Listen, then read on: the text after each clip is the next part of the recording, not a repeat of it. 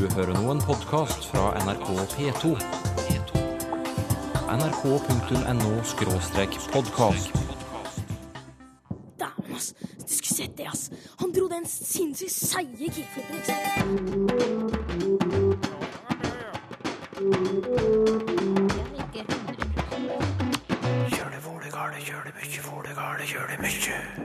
Oversettelse under tidspress er stikkord for eh, Språkteigen i dag. Hva gjør hastverk med språket? Det å gjøre en jobb så raskt, det er jo fare for at det går utover kvaliteten. Det kan jo ikke være noe tvil om det. Vi skal straks besøke arrangementet Oversatte dager. Men først, eh, Sylfest Lomheim, får du lov til å antyde med ett ord noe av det du vil snakke om i dag. Hvilket ord velger du? Et skalkeskjul. Mer om det senere.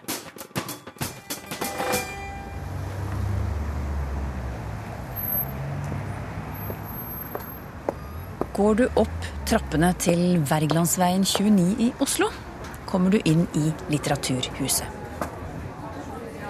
Kafeen i første etasje er full av besøkende, for det er oversatte dager. Tre dager til ende, med ulike foredrag, samtaler og debatter som alle på et eller annet vis handler om det å oversette. Språkteigen har valgt ut tidspress som en rød tråd i dag, og derfor besøker vi først den store salen som heter Amalie Skram. I programmet står det at vi skal få møte to turbooversettere. Hallo. Velkommen, kjære oversettervenner. Publikum benker seg for å høre hvordan det oppleves å oversette Harry Potter-mamma J.K. Rowlings første voksenroman på rekordtid.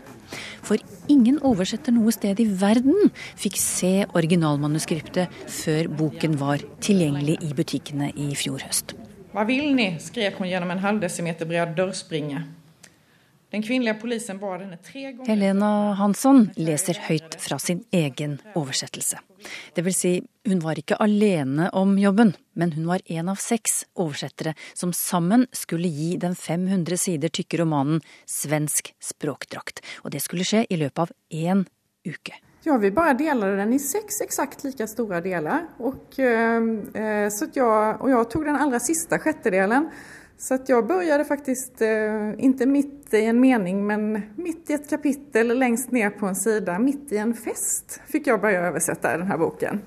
Där jag inte hade en aning om vad personerna var eller vad, det, vad någonting handlade om. Seks oversettere deler en roman mellom seg. Hvordan holde et konsekvent språk og en ensartet stil? Det krevde mange diskusjoner. Ja, vi kunne f.eks. diskutere hvordan en viss eh, person tiltaler sin man.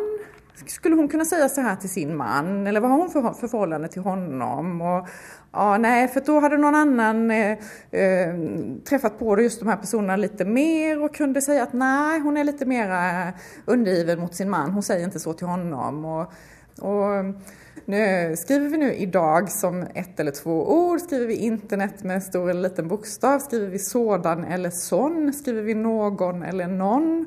Och ja, ungefär hundra sådana olika uttryck och fraser hade vi som vi bestämde oss för eh, redan innan vi började. I løpet av denne hektiske uken oversatte Helene Hansson 80 sider. Tre ganger mer enn vanlig produksjon for hennes del. Hvordan påvirket tidspresset språket hennes? Ja, altså det innebar ju att jag helt enkelt inte, jag kunde inte sitta och vi- vrida och vända på formuleringarna som jag gör i vanliga fall och smaka på en eh, formulering eh, känna efter vad som funkar bäst här. Det var helt enkelt bara att bestämma sig att nej, nu får det här vara bra nog. Nu fortsätter jag. Nu är det bara framåt som gäller. Eh, Jon Erik Bø Lindgren var du som oversatte boken til norsk. Du hadde litt bedre tid på deg. Du hadde vel fire uker. Men hva, hvor mye pleier du vanligvis å oversette på fire uker? Nei, det er ikke stort, for jeg, jeg oversetter ved siden av fulljobb. Så normalt så bruker jeg fire måneder på en bok. Jon Erik Bø Lindgren tok fri fra både jobben og familien for å levere et halvt årsverk på fire uker. Den positive effekten av det var en kontinuitet og en flyt i arbeidet som han vanligvis ikke opplever, forteller han. Samtidig har han de samme innvendingene som Helena Hansson. Ja, det er jo selvfølgelig da ikke anledning til å bruke tid eh, på å teste ut forskjellige måter å formulere seg på. Hva, hva går det først og fremst utover, syns du? Du kommer jo i valg, altså Det er jo en del valg de må ta. Eh, her er det en del skolesystem, det er en del lokal administrasjon. Eh, sånne ting som kanskje burde vært, kunne vært tenkt grundigere igjennom, som jeg nå ikke da får tid til. Et eksempel er jo The Parish Council. Hva kaller du det på, på norsk? Jeg endte med Sognerådet. Og jeg syns det fungerer, men det kunne sikkert vært tatt noen runder til med å finne Jeg vet ikke. Kanskje finnes det et bedre ord. Men dersom Bø Lindgren og Hansson hadde hatt bedre tid, på hvilken måte ville oversettelsene deres vært annerledes? Det syns jeg er veldig vanskelig å si noe om. Eh, kanskje hadde det ikke vært noe annerledes. For meg eh, er det viktigste at det totalt fungerer. At språket fungerer, og at jeg treffer stilen og stilnivå. Om jeg går på en smell her og der med, som handler om at man ikke har funnet det nøyaktige ordet akkurat der, det skal man selvfølgelig unngå. Men det syns ikke jeg er Det er ikke det som skjemmer en oversettelse. Eh, ja, jeg, jeg, tror at det kan være så at inte, tonträffen ikke totalt eh, som den borde være i denne översättningen. Jag, jag, Vad menar du med det? Alltså jag kan känna att eh, Rowling är väldigt pratig till exempel. Och jag kan känna att, eh, för att, få, att den pratigheten har vi nog inte riktigt fått fram i den eh, svenska översättningen. Det blir någon typ av standardformuleringar man använder istället och man, man, man lägger kanske inte in alla de här extra småorden som egentligen nog hade behövts för att få fram den här pratigheten som Rowling har. Utan det kanske blir så att man översätter innehållet mer egentligen. Man översätter det det betyder bara och inte allt det där runt om som är så, mycket del av stilen och tonen. Hva syns du om din egen oversettelse? Jag tycker inte den är så vidare bra. Jag läste, en, jag läste högt en bit här nu inne på seminariet och eh, jag kände att det var någon formulering där, någon mening som jag verkligen tyckte att nej men har jag verkligen skrivit så här? Det var inte så vidare lyckat. Så att jag, jag kan väl inte känna att det här är en översättning som jag är direkt stolt över. Men hvorfor gjorde du det da? Hvorfor sa du ja til å ta på deg et sånt oppdrag? Jag behövde pengarna. Bara det faktiskt. Ja. Hvorfor sa du ja til å gjøre en sånn jobb på så kort tid? Nei, jag jeg må være så fri å si at jeg gjorde det ikke for pengene. Jeg, jeg, jeg tok det som en utfordring. Det er betenkelig eh, å gjøre det. Eh, det må jeg si. Jeg hadde noen kvaler, for jeg syns jo ikke at det skal være sånn.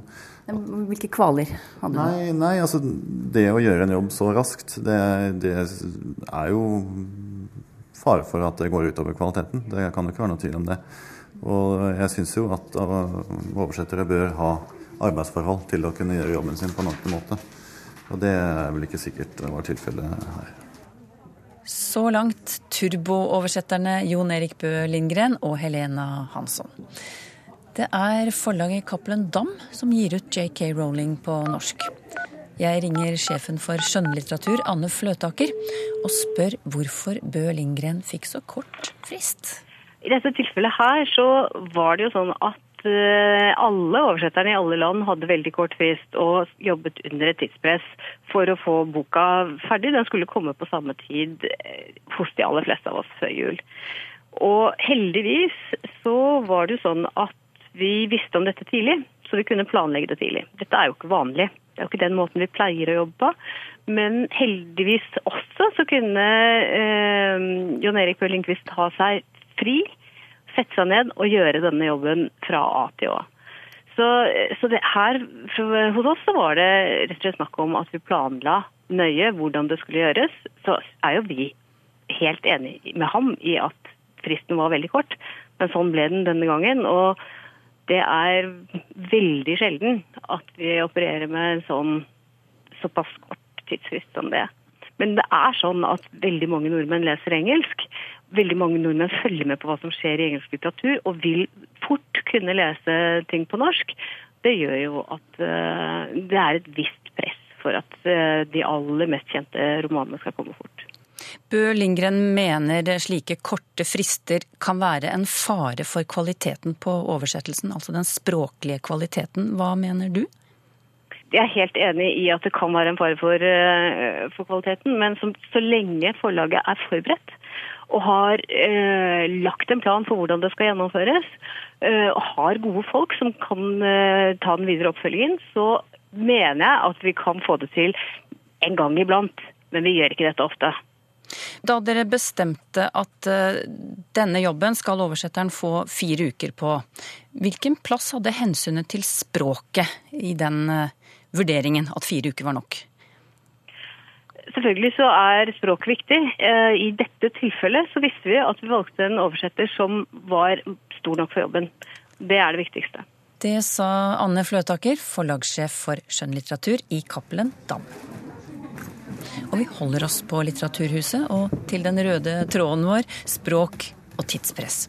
For det er ikke bare skjønnlitterære oversettere som kan komme i tidsklemme. Her har du et miljø der det oversettes med knappe frister. Norsk Telegrambyrå, NTB, er norsk presses sentrale nyhets- og billedbyrå. Deres artikler og meldinger trykkes bl.a. i aviser over hele landet. Og journalisten på utenriksvakt følger nyhetsstrømmen fra de utenlandske byråene. Eh, og de viktigste byråmeldingene det er da hastemeldinger. Da må Uvakt bestemme seg veldig fort om dette her skal være en hast hos oss. Og det betyr da to linjer ut fra NTB med det viktigste. Og det sier seg sjøl at da må det jo gå veldig fort. Det er viktig at ting skal ut. Det kan være f.eks. før en Dagsnytt-sending. Kanskje det er tre minutter til Dagsnytt, så kommer det en hast. Og da må man jo bare snu seg rundt med en gang og finne ut eh, hvordan man skal oversette det her best mulig. Det er NTB-journalist Anna Nesje som forteller. Under oversatte dager ga hun publikum et innblikk i hvordan det kan være å skulle skrive om utenlandske nyhetsmeldinger til norsk samtidig som du kjemper mot klokken. Hun bruker gisseldramaet i In Amenas som eksempel. Den begynte som ofte ting på utenriks kan gjøre, med litt sånn snikende inn. At det kommer noen melding om at noe er i ferd med å skje et eller annet sted hvor Norge har interesser, men vi veit ikke om nordmenn er involvert. Og så plutselig så kommer det at det er Statoil, og det er nordmenn involvert. Og da, da må vi bare kaste oss rundt også og finne ut hva er det som har skjedd. Hva kan være vanskelig å, å håndtere da når det gjelder språk i en norsk melding? Ja, Det kan jo være så enkelt som å rett og slett finne ut hvor dette er. Og hvordan skal vi skrive det stedsnavnet på norsk. Inna Menas var vel ingen som hadde hørt om det før dette her skjedde. Er det egentlig en by? Er det et tettsted? Er det bare det gassanlegget? Hvordan skal vi forklare det? Og på en eller annen måte så må jo det med, selv i en liten hast.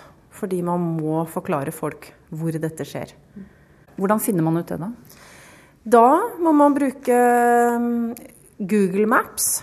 Man må bruke det svære verdensatlaset som vi har liggende, som er helt lefsete, men som vi fremdeles bruker. Um, vi må bruke alle mulige metoder. Wikipedia må vi bruke. Store norske leksikon på nett. Utenlandske nettaviser, som uh, ofte er raske til å lage kart og vise oss hvor det er.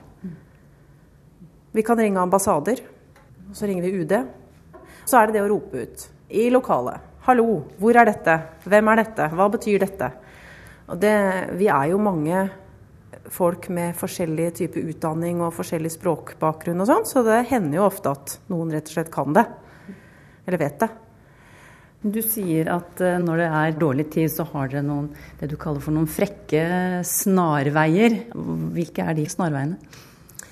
Altså Nå er jo vi journalister og ikke oversettere, sånn at vi både skal og kan ta snarveier. For vi skal jo ikke oversette absolutt rubbel og bit. Og det er klart at uh, når tida er knapp, som du sier, så bruker vi det i hvert fall. Og da betyr det at vi rett og slett hopper over det som var litt vanskelig. Hvis ikke det har enormt stor betydning for saken. F.eks. Uh, uh, vi kom over et uttrykk her som, som ikke vi klarte sånn på stående fot. Det var the wolf is at the door. Og det er klart, vi, vi, kunne jo oversette det og skjønte stort sett hva det betydde. Det var vel at faren var overhengende eller noe sånt, men vi hadde egentlig veldig lyst til å ha det tilsvarende norske uttrykket. Da, for det, det krydrer jo språket litt når man har såkalt idiomatiske uttrykk, da, eller ja, faste uttrykk. Men det klarte vi ikke, så da måtte vi bare hoppe over det. Men hva er eh, de største utfordringene, syns du, når tiden er knapp og det er ord og vendinger som skal oversettes fra et eh, annet språk?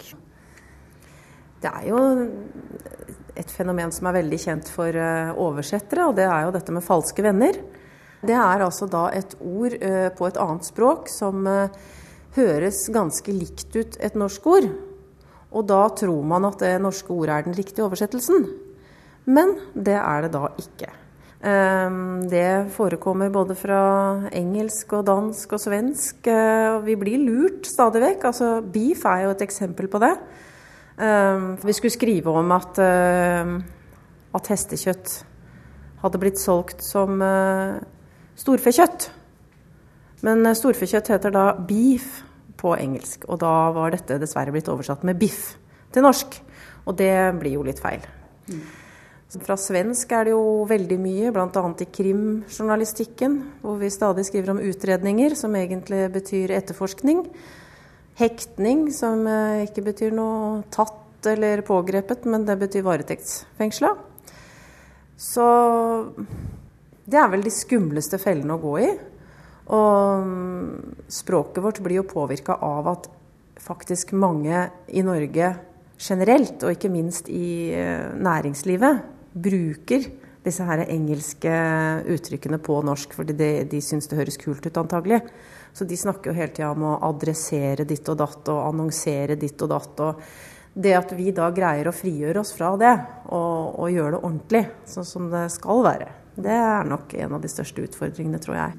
Det her høye tempoet som du beskrev i sted, eh, og som selvfølgelig ikke bare dere hos NTB opplever, men mange andre avisredaksjoner også, nyhetsredaksjoner.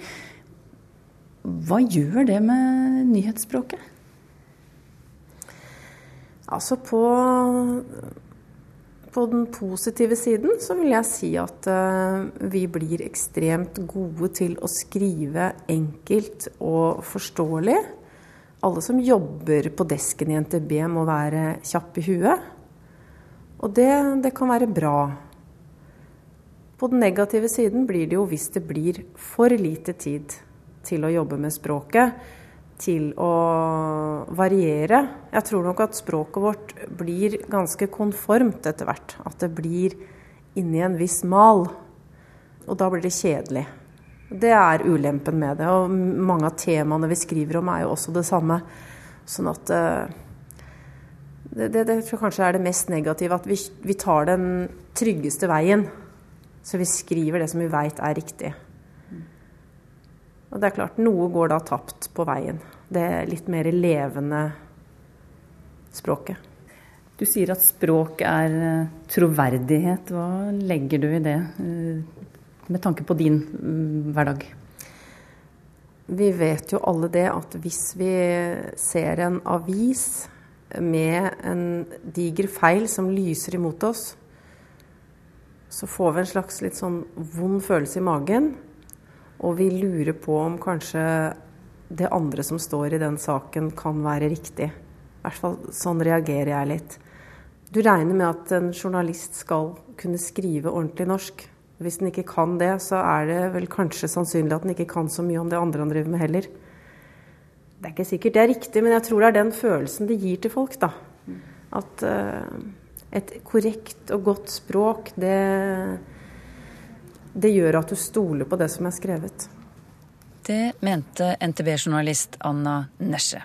Og med hennes sluttreplikk forlater vi oversatte dager for denne gang. Det var Norsk faglitterær forfatter- og oversetterforening og Norsk oversetterforening som sto bak arrangementet. Det fant sted i overgangen februar-mars. Mer stoff derfra i senere sendinger. Ulike betydninger av ordet skalk. Det er blant lytteroppdragene våre denne gangen, Sylfes Lomheim. Men først til Torunn Kristine Eriksen. På Facebook etterlyser hun opphavet til ordet klatre, som i uttrykket klatre bort. For min del så husker jeg at jeg fikk beskjed om ikke å klatre bort lommepengene mine da jeg var liten. Eh, og hva kan du legge til, Sulfest? Ja, vi ser jo at det her det Folk har prøvd seg på litt ulike forklaringer. Men det som er opplagt, er at å klatre eller å klatre ikke har noe med å klatre opp i trær å gjøre, altså å, å stige oppover. Men jeg tror at dette òg har sammen med et annet ord som mange kjenner, ein klatt. Det er jo noe lite, en liten porsjon. Og det å klatte betyr jo å dele ut i små porsjoner. Og jeg mener nok at å klatre kjem av å klatte ut ting. Altså, da bruker du opp pengene til inkjevett av snop og småtteri. Altså, å klatte er å bruke opp pengene i små porsjoner, og det blir ikke så mye ut av det. Arne Jansen lurer på om vi kan finne ut litt om ordet skalk. Det later til å ha flere betydninger, skriver han. Eh, det kan være en tvilsom person, en type hatt, kanten på et, et brød eller en kotelett. Men vi skalker også lukene på båter, og det er noe som heter skalkeskjul osv. Hva er sammenhengen, spør han. Ja, sammenhengen er jo at her løgner det seg flere ulike ord når det gjelder ordet skalk. Og vi kan jo begynne med skalken på brød, for det ordet er nok historisk det samme som òg hatten, en skalk. For det betyr jo da endestykk, om vi kan tenke oss noe som er litt stumt, altså. Da har vi kvittert ut brødskalken og hatten. Så sjømannsuttrykket 'å skalka lukene', det er fra nederlandsk og er uttrykk for å stenge da lukene. Så er vi kommet til den fjerde varianten, og det er skalkeskjul. Der må vi nok vise til norrønt, til gammelnorsk, for skalker var et ord for slyngel, skjelm, ein luring, og det er nok der vi mener vi må finne opphavet til uttrykket vårt, eit skalkeskjul. For det er når noen eh, dekker over eh, det de egentlig vil, vi blir utsett for et pek. Fredrik Fagertun vil gjerne ta opp det han mener er meningsløs bruk av preposisjonen til. Man sier 'jeg har tenkt til å gå på besøk', 'jeg har tenkt til å begynne å trene', 'jeg har tenkt til å gå videre med saken'. For meg er preposisjonen 'til' her ikke bare unødvendig, men også helt uten mening, skriver han. Så vil han at uh, du, Sylfest, skal uh, si noe om dette, da. Ja, da må jeg si akkurat hva jeg mener. Jeg er helt enig med Fredrik Fagertun, og dette sier jeg, og jeg lever litt farlig, for det er sikkert de som ikke vil være enig med meg, men jeg mener at denne bruken av til, som er så vanlig nå, det er ikke godt norsk, og jeg vil si det er heller ikke korrekt norsk. Per Jonas Bakke hørte bestemoren snakke om noen i nabobygda som hadde det vondt, og hun ba om at folk måtte slå ring om vedkommende.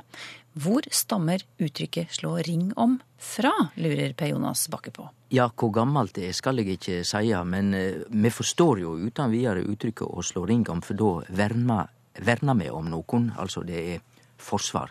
Men da, da dette uttrykket kom opp en, så tenkte på i oppveksten eh, hørte om eh, de eldre karene snakke om hestene når de var i fjellet i gammel tid og det kom eh, bjørn, til dømes, da jaga de føla og ungdyra sammen, og så stilte de de tøffe hingstene seg i ring rundt.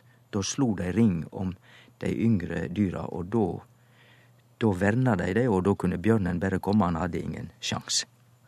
Paul Henry Paulsen har lurt litt på bakgrunnen for uttrykket 'du store min', eller 'du storeste min'. Først og fremst skriver han 'hva er dette min'? Og dernest formen 'storeste', som jeg ikke tror jeg har funnet noe annet sted i språket vårt. Nei, kanskje ikke bortsett fra i dette uttrykket 'du storeste min', for det er jo idiomatisk og grei norsk, men den vanlige bøyinga er jo stor, større, størst. Men det er klart, språket er ikke matematikk, så vi kan ikke si at det er noe gale med du storeste min. Jo, men denne formen storeste, den er jo veldig rar. Hvordan uh... Nei, det er jo bare kreativiteten som setter grenser for hva vi sier og utvikler ved uttrykk. Og vi har jo også ø, du godeste og det syns folk er helt ålreit å si òg, sjøl om det er jo feil etter den vanlige bøyinga. God, betre, best, men du godeste og du storeste. Så er det hva er dette min? Det er jo veldig rare uttrykk, du store min. Men jeg kan ikke tru at forklaringa er noe annet enn at her er det et substantiv som blir tenkt på, men som ikke blir uttalt. Du store min Gud, du store min alpakka. Hva som helst. Det er et substantiv som er underforstått her, og som blir kutta ut, og så står det igjen bare du store min. Jeg mener at det er det som må være forklaringa. Ellen Grimstad Nilsen gleder seg over at mange gode nynorske ord og uttrykk blir tatt i bruk av eh, bokmålsbrukere. Men av og til går det litt over stokk og stein, skriver hun. Og da viser hun bl.a. til eh, noe hun leste i Vårt Land. De oppsummerte året 2012, og journalisten skrev bl.a.: Er dette ståa i Norge anno 2012? Og da var ståa stavet S-T-Å. A. Og nå vil hun eh, at vi skal oppklare hva ordet ståe står for. Og eh, det skal jo staves med en D inni der, da. Så hun vil at vi skal gjøre oppmerksom på det også. Ja, hva det har du å si, Sylfest? Jo, det er veldig rett observert av Ellen Grimstad Nilsen at eh, ståa ser vi ofte i eh, bokmålsaviser og bokmålstekster skrevet S-T-Å-A. Og det er jo i og for seg ikke så rart at det skjer, fordi at bakgrunnen for ordet ståa, som er tilstandssituasjon, er jo verbet å stå. Men det er bare det at substantivet som er danna av verbet å stå, altså hvordan ting står til, situasjoner, det skal skrives S-T-O-D-E. Ei ståe, og i bestemt form, ståa, og da betyr det at det skal være S-T-O-D-A. Det er den rette forma, og det er slik nynorskskrivande skriver det. Så dette er en omseggripande feilskriving, først og fremst blant bokmålsskriverne. Det er flott de bruker ordet, men de må skrive det annerledes. Har du spørsmål til Språkteigen, skriv til teigen krøllalfa nrk.no. Eller du kan skrive til Språkteigen, NRK P2, 7005 Trondheim. Du finner oss òg på Twitter og på Facebook. Når en sopp får norsk navn, bør navnet helst være vakkert og interessevekkende. Ja, vi har jo satansopp. Den er jo interessevekkende, kanskje. Eh, Vi har eh, alvehette, det er jo et vakkert navn. Vi har glorie klokkehatt. Språkteigen om en uke.